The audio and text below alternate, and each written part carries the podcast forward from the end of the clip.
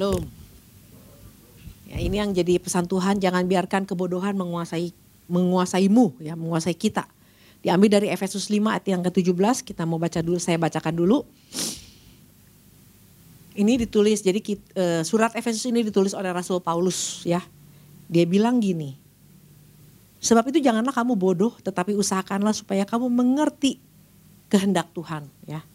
Jadi ini yang jadi pesan Tuhan, usahakan supaya kamu jangan supaya kamu jangan bodoh tapi usahakan supaya kamu mengerti kehendak Tuhan. Jadi eh, kemarin dari eh, dari kemarin kita udah diajar ya, Bapak Gembala juga udah bilang bahwa Paulus nggak lagi ngomong soal IQ, tuh uh, Paulus nggak lagi ngomong soal kecerdasan intelijen kita ya, ini lagi ngomong soal keputusan yang harus kita ambil ya, jangan bodoh. Kamu harus tahu apa yang yang menjadi kehendak Tuhan ya. Jadi kalau tuh Alkitab bilang uh, dikatakan di sini di ayat yang ke 15 karena itu perhatikanlah dengan seksama bagaimana kamu hidup. Jangan seperti orang bebal tetapi seperti orang arif ya. Nah jadi kalau kalau berbicara tentang intelijen kepinteran ya lawannya bebal pinter. Tapi ini bebal lawannya arif bijaksana ya. Nah jadi antara kebodohan dengan kebijaksanaan itu ternyata bukan beda tipis tapi beda jauh banget. Karena hasilnya pun jauh banget. Ya orang yang e, bodoh dengan orang yang arif itu jauh banget hasilnya. Saya mau uh, ada satu kisah ya ini kisah ini uh, sering diangkat di dalam uh, sinetron atau di film-film ya tentang seorang anggap aja seorang gadis yang hidup di dalam kehidupan yang gelap yang susah yang menderita yang dia juga selain dia hidup dengan orang tua dengan ibunya dia harus juga ikut bantu cari uang. Pokoknya hidupnya susah. Buat makan aja susah. Tapi untung ini anak masih bisa sekolah. Nah di, untuk uang sekolah pun dia harus bantu orang tuanya cari uang supaya dia bisa tetap melanjutkan sekolahnya. Karena memang ini anak secara kepintaran dia pintar banget. Dia ranking di sekolahnya. Jadi tapi hidupnya susah. Dia uh, pakai sepatu juga udah udah rusak. Ya kita tahulah kisah ini sering kita dengar. Lalu pada suatu hari ternyata dia punya ayah kandung. Ayah kandungnya cari dia dan ketemu dia dan setelah melihat keadaannya ayahnya bilang kamu ikut ayah. Ayahnya orang berada. Lalu anak ini dibawa sama ayahnya. Nah setelah pindah ikut ayahnya dia pindah di rumah yang baru, dia dapat satu kamar yang bagus, khusus buat dia. Dengan segala perlengkapannya, dia didandani, dipakai dipakein kalung berlian, dikasih mobil, di sekolah di sekolah yang bagus. Dia nggak usah harus cari uang, dia cuma terima semuanya. Dan ayahnya bilang gini, kamu ikut ayah, aku jamin kamu punya masa depan yang cerah. Semua kebutuhanmu, aku yang ayah yang cukupi. Ini sesuatu yang yang luar biasa banget ini ini anak.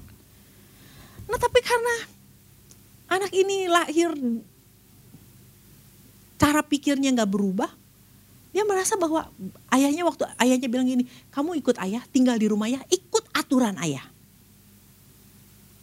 Kamu ikutin aja aturannya. Dan menurut dia setelah dia berbulan-bulan ikut ayahnya, ternyata aduh, ikut aturan ayahnya ternyata berat ya harus pulang harus jam segini, pergi harus minta izin.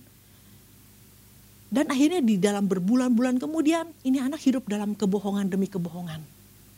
Dan sampai akhirnya ayahnya tahu dan marah. Dia bilang dan keluar dari mulut dari mulut dia adalah ayah jahat. Nyiksa. Ini nggak boleh, itu nggak boleh dan akhirnya dia mengambil keputusan yang besar. Dia mau balik lagi tempat asalnya dia.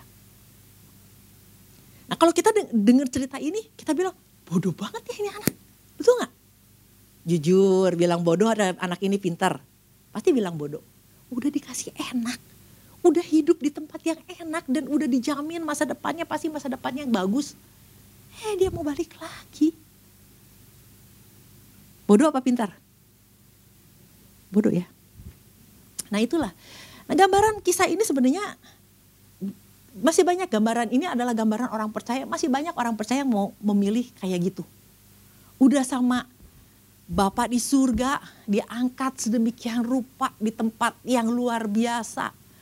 Tetapi masih aja mengambil keputusan-keputusan yang pengen kayak dulu. Pengen enak yang dulu mah lagi belum di dalam Tuhan mah lebih enak. Gak kayak sekarang. Disiplin, kudu ke gereja. Ih, mesti melayani. Nah ini kan kadang-kadang mereka cuma melihat orang-orang percaya ini hanya melihat bahwa kok susah ya ikut Tuhan gitu. Nah, kalau kita lihat lagi bahwa ayah ayah si anak gadis ini bukan cuma sekedar pengen pindahin anak ini pindah lokasi dari rumah yang butut ke rumah yang bagus, yang megah. Bukan cuma pengen pindahin lokasinya doang. Pengen anak ini mengalami perubahan dalam seluruh hidupnya punya masa depan yang baik. Nah sama Tuhan juga. Tuhan bukan cuma sekedar mau mindahin kita dari gelap kepada terang. Bukan cuma mau pindahin dari kerajaan gelap kepada kerajaan terang. Nah Tuhan mau kita berubah.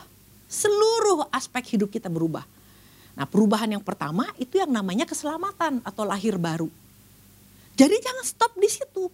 Nah banyak orang berhenti di situ. Ya sudah lahir baru jadi anak Tuhan. Nah kalau kita baca di dalam uh, Efesus 5 ini ya tentang hidup sebagai anak-anak terang. Nah Paulus nggak lagi bilang cuma tentang keselamatan, tapi Paulus ini lagi bilang kamu harus berubah di dalam segala aspek hidup kamu loh, di dalam cara, cara uh, apa kebiasaan-kebiasaan kamu ya soal di, di ayat yang ketiga soal percabulan, kecemaran, kes, keserakan itu kamu harus tinggalkan. Nah tapi juga dia bicara, kamu harus berubah di dalam hal apa? Per, pernikahan kamu harus mengalami perubahan, di dalam hubungan kamu, di dalam uh, masalah parenting ya, hubungan anak dengan uh, orang tua harus ada perubahan. Di dalam karir kamu, bagaimana cara kamu melihat uh, bos kamu terhadap kamu, kamu menghormati, harus ada perubahan di situ. Jadi kalau Tuhan mau selamatkan kita nggak nanggung-nanggung. Bukan cuma pindah lokasi, Semuanya harus berubah, harus mengalami transformasi. Nah Paulus yang menulis surat ini pun juga adalah orang yang sungguh-sungguh ngalamin transformasi. Nah transformasinya apa? Dia dulu jahat. Dulu dia dia, dia katakan dia dulu suka bunuhin orang-orang percaya. Tetapi begitu dia ketemu Tuhan, dia ketemu Bapa di surga, dia mengalami transformasi. Nah boleh kalau kita baca di dalam Filipi 3 ayat yang ke-7 sampai yang ke-10, dia nggak hidup susah loh. Dia punya kehidupan yang baik. Dia punya kehidupan yang yang yang yang uh, dia dia pejabat, dia punya dia punya pendidikan yang bagus. Nah, tapi dia mengambil sebuah keputusan, ya. Kita lihat di dalam Filipi 3 ayat yang ke-7. Dia mengambil satu keputusan bahwa gini, ayat yang ke-7 ya, saya bacakan dulu. Tetapi apa yang dahulu merupakan keuntungan bagiku, sekarang kok anggap rugi karena Kristus. Nah ini adalah sebuah cara pandang yang berubah. Sebuah cara pandang yang berubah itu membuat dia mengambil keputusan yang berubah. Malah segala sesuatu aku anggap rugi karena pengenalan akan Kristus Yesus Tuhanku lebih mulia daripada semuanya. Oleh karena dialah aku telah melepaskan semuanya itu menganggap sampah supaya aku memperoleh Kristus dan berada dalam dia bukan dengan kebenaranku sendiri karena mentaati hukum Taurat melainkan dengan kebenaran karena kepercayaan kepada Kristus yaitu kebenaran yang Allah anugerahkan berdasarkan kepercayaan. Itu yang membuat kita, karena kita diciptakan segambar dengan Allah. Makanya kita punya kemampuan untuk memilih. Beda sama binatang, ini yang membedakan kita sama binatang. Nah binatang itu cuma punya insting. Nah jadi pilihan itulah yang akan membentuk hidup kita selanjutnya. Kalau kamu pilih bodoh, hasilnya pun nggak bagus. Tapi kalau pilihan kamu bijaksana, maka kamu akan mengalami hal-hal yang baik. Kalau yang bodoh, ada konsekuensinya. Nah ini yang yang juga terjadi sama yang namanya Saul. Ya kemarin juga kita sempat dengar dari uh, Pak Petrus Saul. Nah Saul ini udah dipilih Tuhan, diangkat Tuhan jadi raja. Ini ini ini luar biasa. Tapi dia mengambil keputusan yang bodoh. Samuel bilang kamu bodoh. Disuruh nunggu, lu nggak nunggu, lu mengambil tindakan-tindakan yang bodoh, mengambil keputusan yang bodoh. Akhirnya dia kehilangan kerajaannya. Esau, kita tahu Esau. Esau adalah orang yang juga mengambil keputusan yang bodoh. Akhirnya dia kehilangan hak kesulungan dia. Jadi mengambil keputusan yang bodoh ini dampaknya luar biasa. Yang ada nanti akhirnya cuma bisa nyesel. Nah jangan itu selalu kita pikir, gua mah enggak. Gua mah enggak bakalan ngambil keputusan goblok gitu. Kan gua mah udah ikut Tuhan. Nah kadang-kadang gini, yang dihadapi oleh Saul, yang dihadapi oleh Esau itu bukan keputusan yang sok mikir ya. Dikasih waktu sebulan sok mikir. Enggak, kadang-kadang kita harus mengambil keputusan seret, kepepet, dipepet untuk mengambil keputusan. Kayak orang lagi nyetir nih, wah lampu hijau, set kita nyetir. Pas sampai hampir deket lampunya langsung kuning. Kalau habis kuning kan merah ya. Nah kita mau langsung mau ngebut atau kita mau rem. Nah ini keputusan yang harus cepat diambil. Nah inilah yang jadi persoalan kadang-kadang kita diperhadapkan dengan sebuah situasi yang kita nggak punya waktu untuk mikir dan kita harus cepat mengambil keputusan. Sama seperti Saul sama sama sama Esau. Saul merasa, aduh takut nih, musuh udah makin deket nih, dia mesti ambil keputusan. Udah bakar aja sekarang, bakar persembahannya, nunggu Samuel terlalu lama. Esau juga gini, lapar nih, lapar nih, udah gak ada waktu lagi mau, mau bikin masakan, udah tukar aja deh dengan hak kesulungan. Nah jadi jangan kita pikir bahwa ah soal bodoh mah gak mungkin, gak mungkin. Kita gak tahu kita diperhadapkan dengan apa. Nah beda dengan Yusuf sama Sadrak, Mesak, Abednego juga diperhadapkan dengan sebuah situasi dan mereka bisa mengambil keputusan yang bagus, yang bijaksana. Apalagi Yusuf ketika dia ditawarin sama eh, istri Potifar. Dia mengambil keputusan gini, masa sih aku mau berdosa kepada Tuhan? Ini yang dia pikirin gini, bukan cuma sekedar, wah kalau gue tidur sama istri Potifar nih, gue pasti bisa keluar nih dari dari masalah gue nggak lagi jadi pembantu nih. Gue bisa diangkat mungkin jadi simpenannya dia. Dan wah hidup gue pasti jauh lebih enak. Dia nggak cuma mikirin daging. Beda sama Saul sama Esau. Dia cuma mikirin dagingnya dia. Dia cuma butuh kebutuhannya dia. Nah orang yang arif, orang yang bijaksana dia mikir gini. Apa kata Tuhan ya? Berkenan gak ini yang saya ambil ini sama Tuhan? Menyenangkan hati Tuhan gak? Nah keputusan untuk bisa menyenangkan hati Tuhan tuh nggak gini. Hari ini dapat pesan nih, besok gue berubah nih. Hari udah dengar firman Tuhan nih, berubah nih kita jadi orang yang bijaksana. Enggak. Itu hidup yang terus menerus kita bangun untuk menjadi orang yang bijaksana. Nah, dimulai dari apa? Nah, dari dalam Roma 12 ayat yang kedua ternyata keputusan itu lahir dari sebuah pikiran Nah kalau gini, kalau pikiran kita nggak berubah, cuma pindah lokasi, nih lokasi A pindah ke lokasi B, tapi pikirannya nggak berubah. Selama kita di sini kita akan mengambil keputusan-keputusan yang goblok, yang bodoh, karena kita nggak berubah keputusan kita, karena kita sudah dibentuk dengan yang lama itu terlalu lama.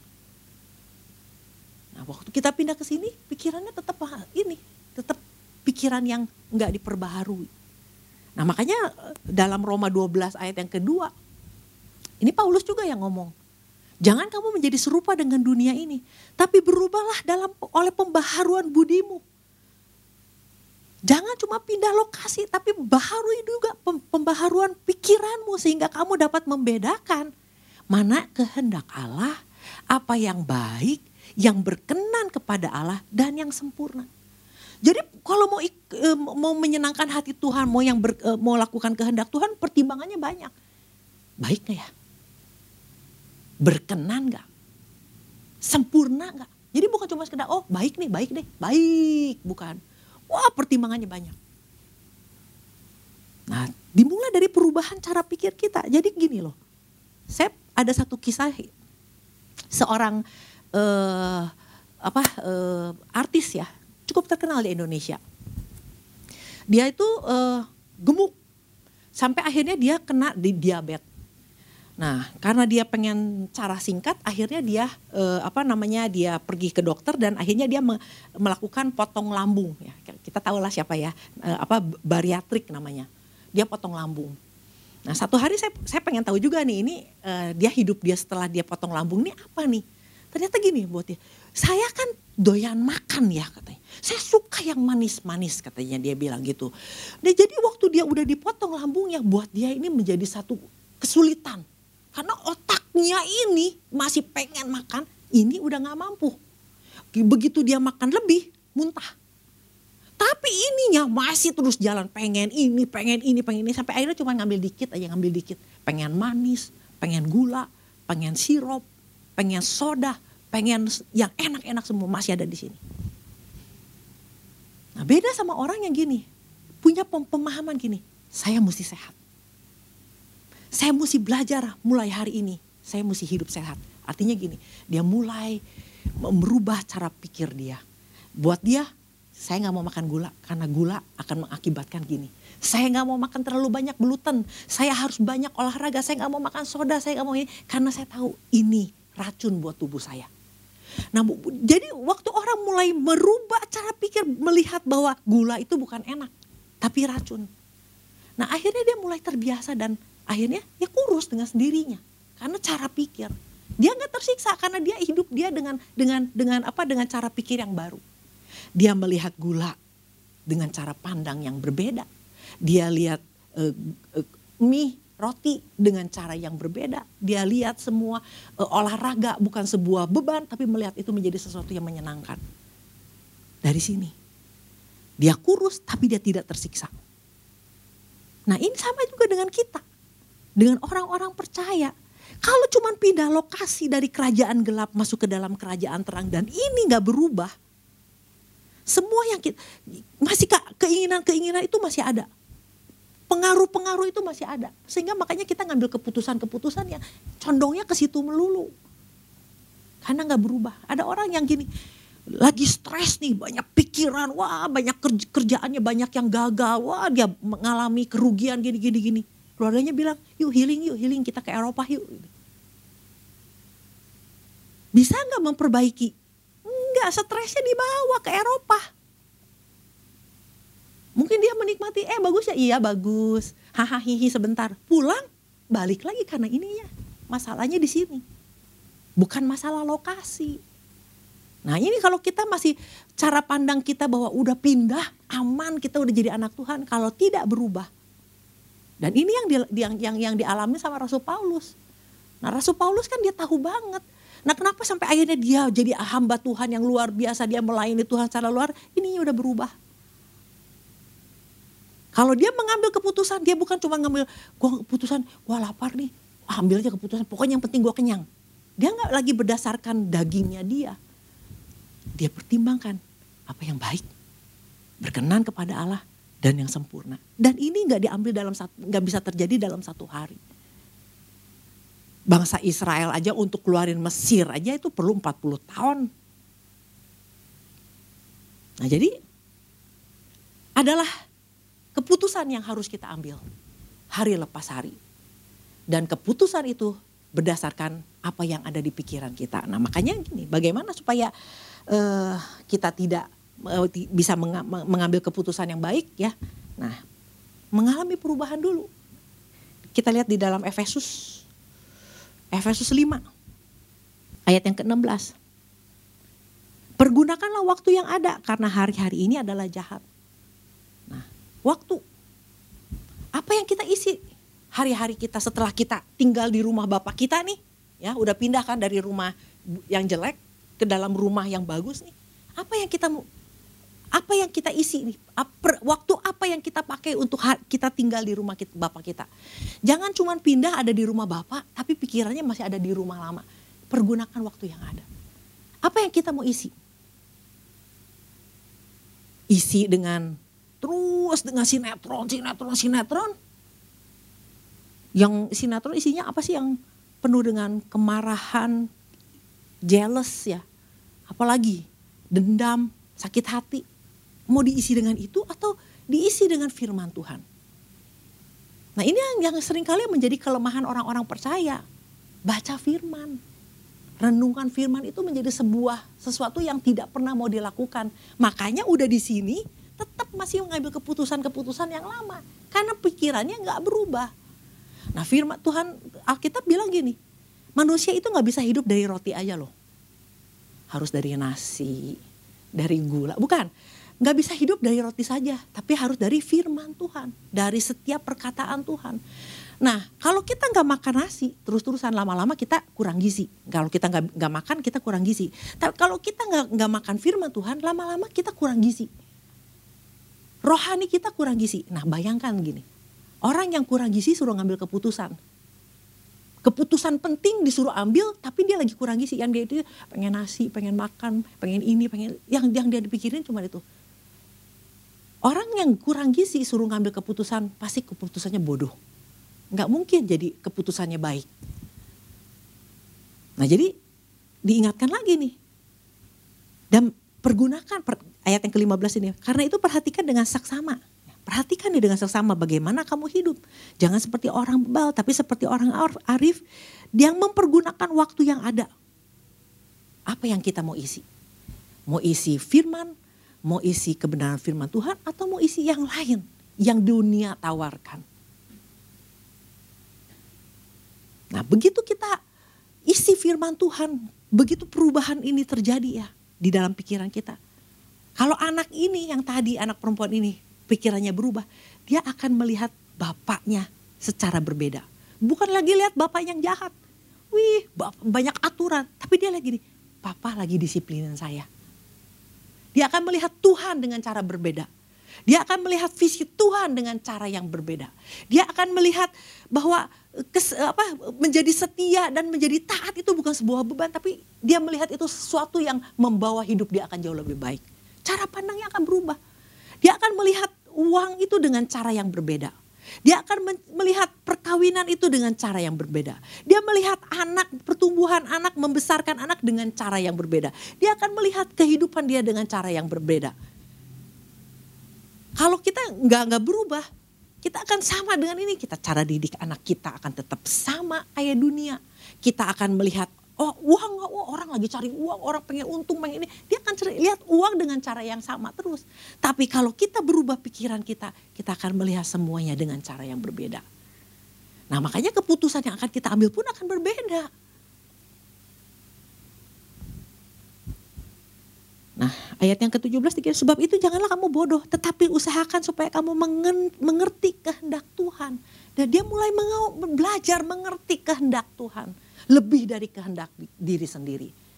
Nah kadang-kadang kalau kita nggak nggak nggak berubah, kita jadi Tuhan buat diri kita sendiri. Sementara Yesus jadi manusia, kita mau jadi Tuhan gitu loh. Nah itu yang pertama, pergunakan waktu yang ada. Karena hari-hari ini jahat. Wah kalau kita lihat kan di, di media sosial hari-hari ini. Bukan saya nggak nggak pernah baca, nggak pernah lihat med, uh, medsos ya. Tapi tahu lah apa yang harus kita bisa pilah-pilih Nah waktu ya kembali lagi pergunakan waktu yang ada. Dan yang kedua ayat yang ke-18 dan jangan kamu mabuk oleh anggur karena anggur menimbulkan hawa nafsu tetapi hendaklah kamu penuh dengan roh. Nah artinya penuh dengan roh, iya tapi saya udah berbahasa roh. Bukan, bukan masalah berbahasa roh. Bukan masalah udah dibaptis roh kudus. Tapi penuh selalu. Dalam kondisi kondisi penuh selalu. Nah kadang-kadang gini loh. Orang kalau ditanya, yuk eh, mau nggak ikut ini diajakin gini nanti ya tanya Tuhan dulu nanti ya mau doa dulu kemarin Pak Pak, Pak Petrus bilang nanti tanya pendeta dulu nah kalau kita hidup kita terus bergaul dengan Roh Kudus bergaul dengan Firman Tuhan kadang-kadang kita dipepet dengan satu situasi kita tahu apa yang harus kita putuskan karena udah udah ada di dalam kita udah ada di dalam sistem pikiran sistem hidup kita jadi kita tidak mudah mengambil keputusan-keputusan yang bodoh Gak usah sedikit-sedikit tanya. Nah oleh karena itu biarlah melalui pesan Tuhan ini Tuhan ingatkan kita. Hidup ini tentang banyak keputusan yang harus kita ambil. Betul kita tiap hari ambil harus mengambil keputusan. Nah kalau ambil keputusan yang besar atau keputusan yang mendadak kita perlu Tuhan. Oleh karena itu isi hari-hari kita.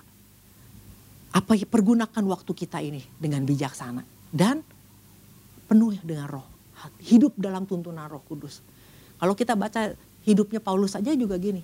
Dia seorang Paulus aja masih suka bergumul dia tahu apa yang berkenan di hadapan Tuhan tapi daging ini dosa ini masih pengen melakukan hal itu masih bagus orang bergumul di situ masih bagus berarti dia tahu apa yang benar tapi kalau udah nggak ada pergumulan ya hayu aja berarti udah nggak ada kebenaran di dalam hidup dia Nah oleh karena itu biarlah kita belajar sama-sama. Bahwa kita, Tuhan ingatkan kita. Jadi bijak, jangan bodoh. Demikian firman Tuhan.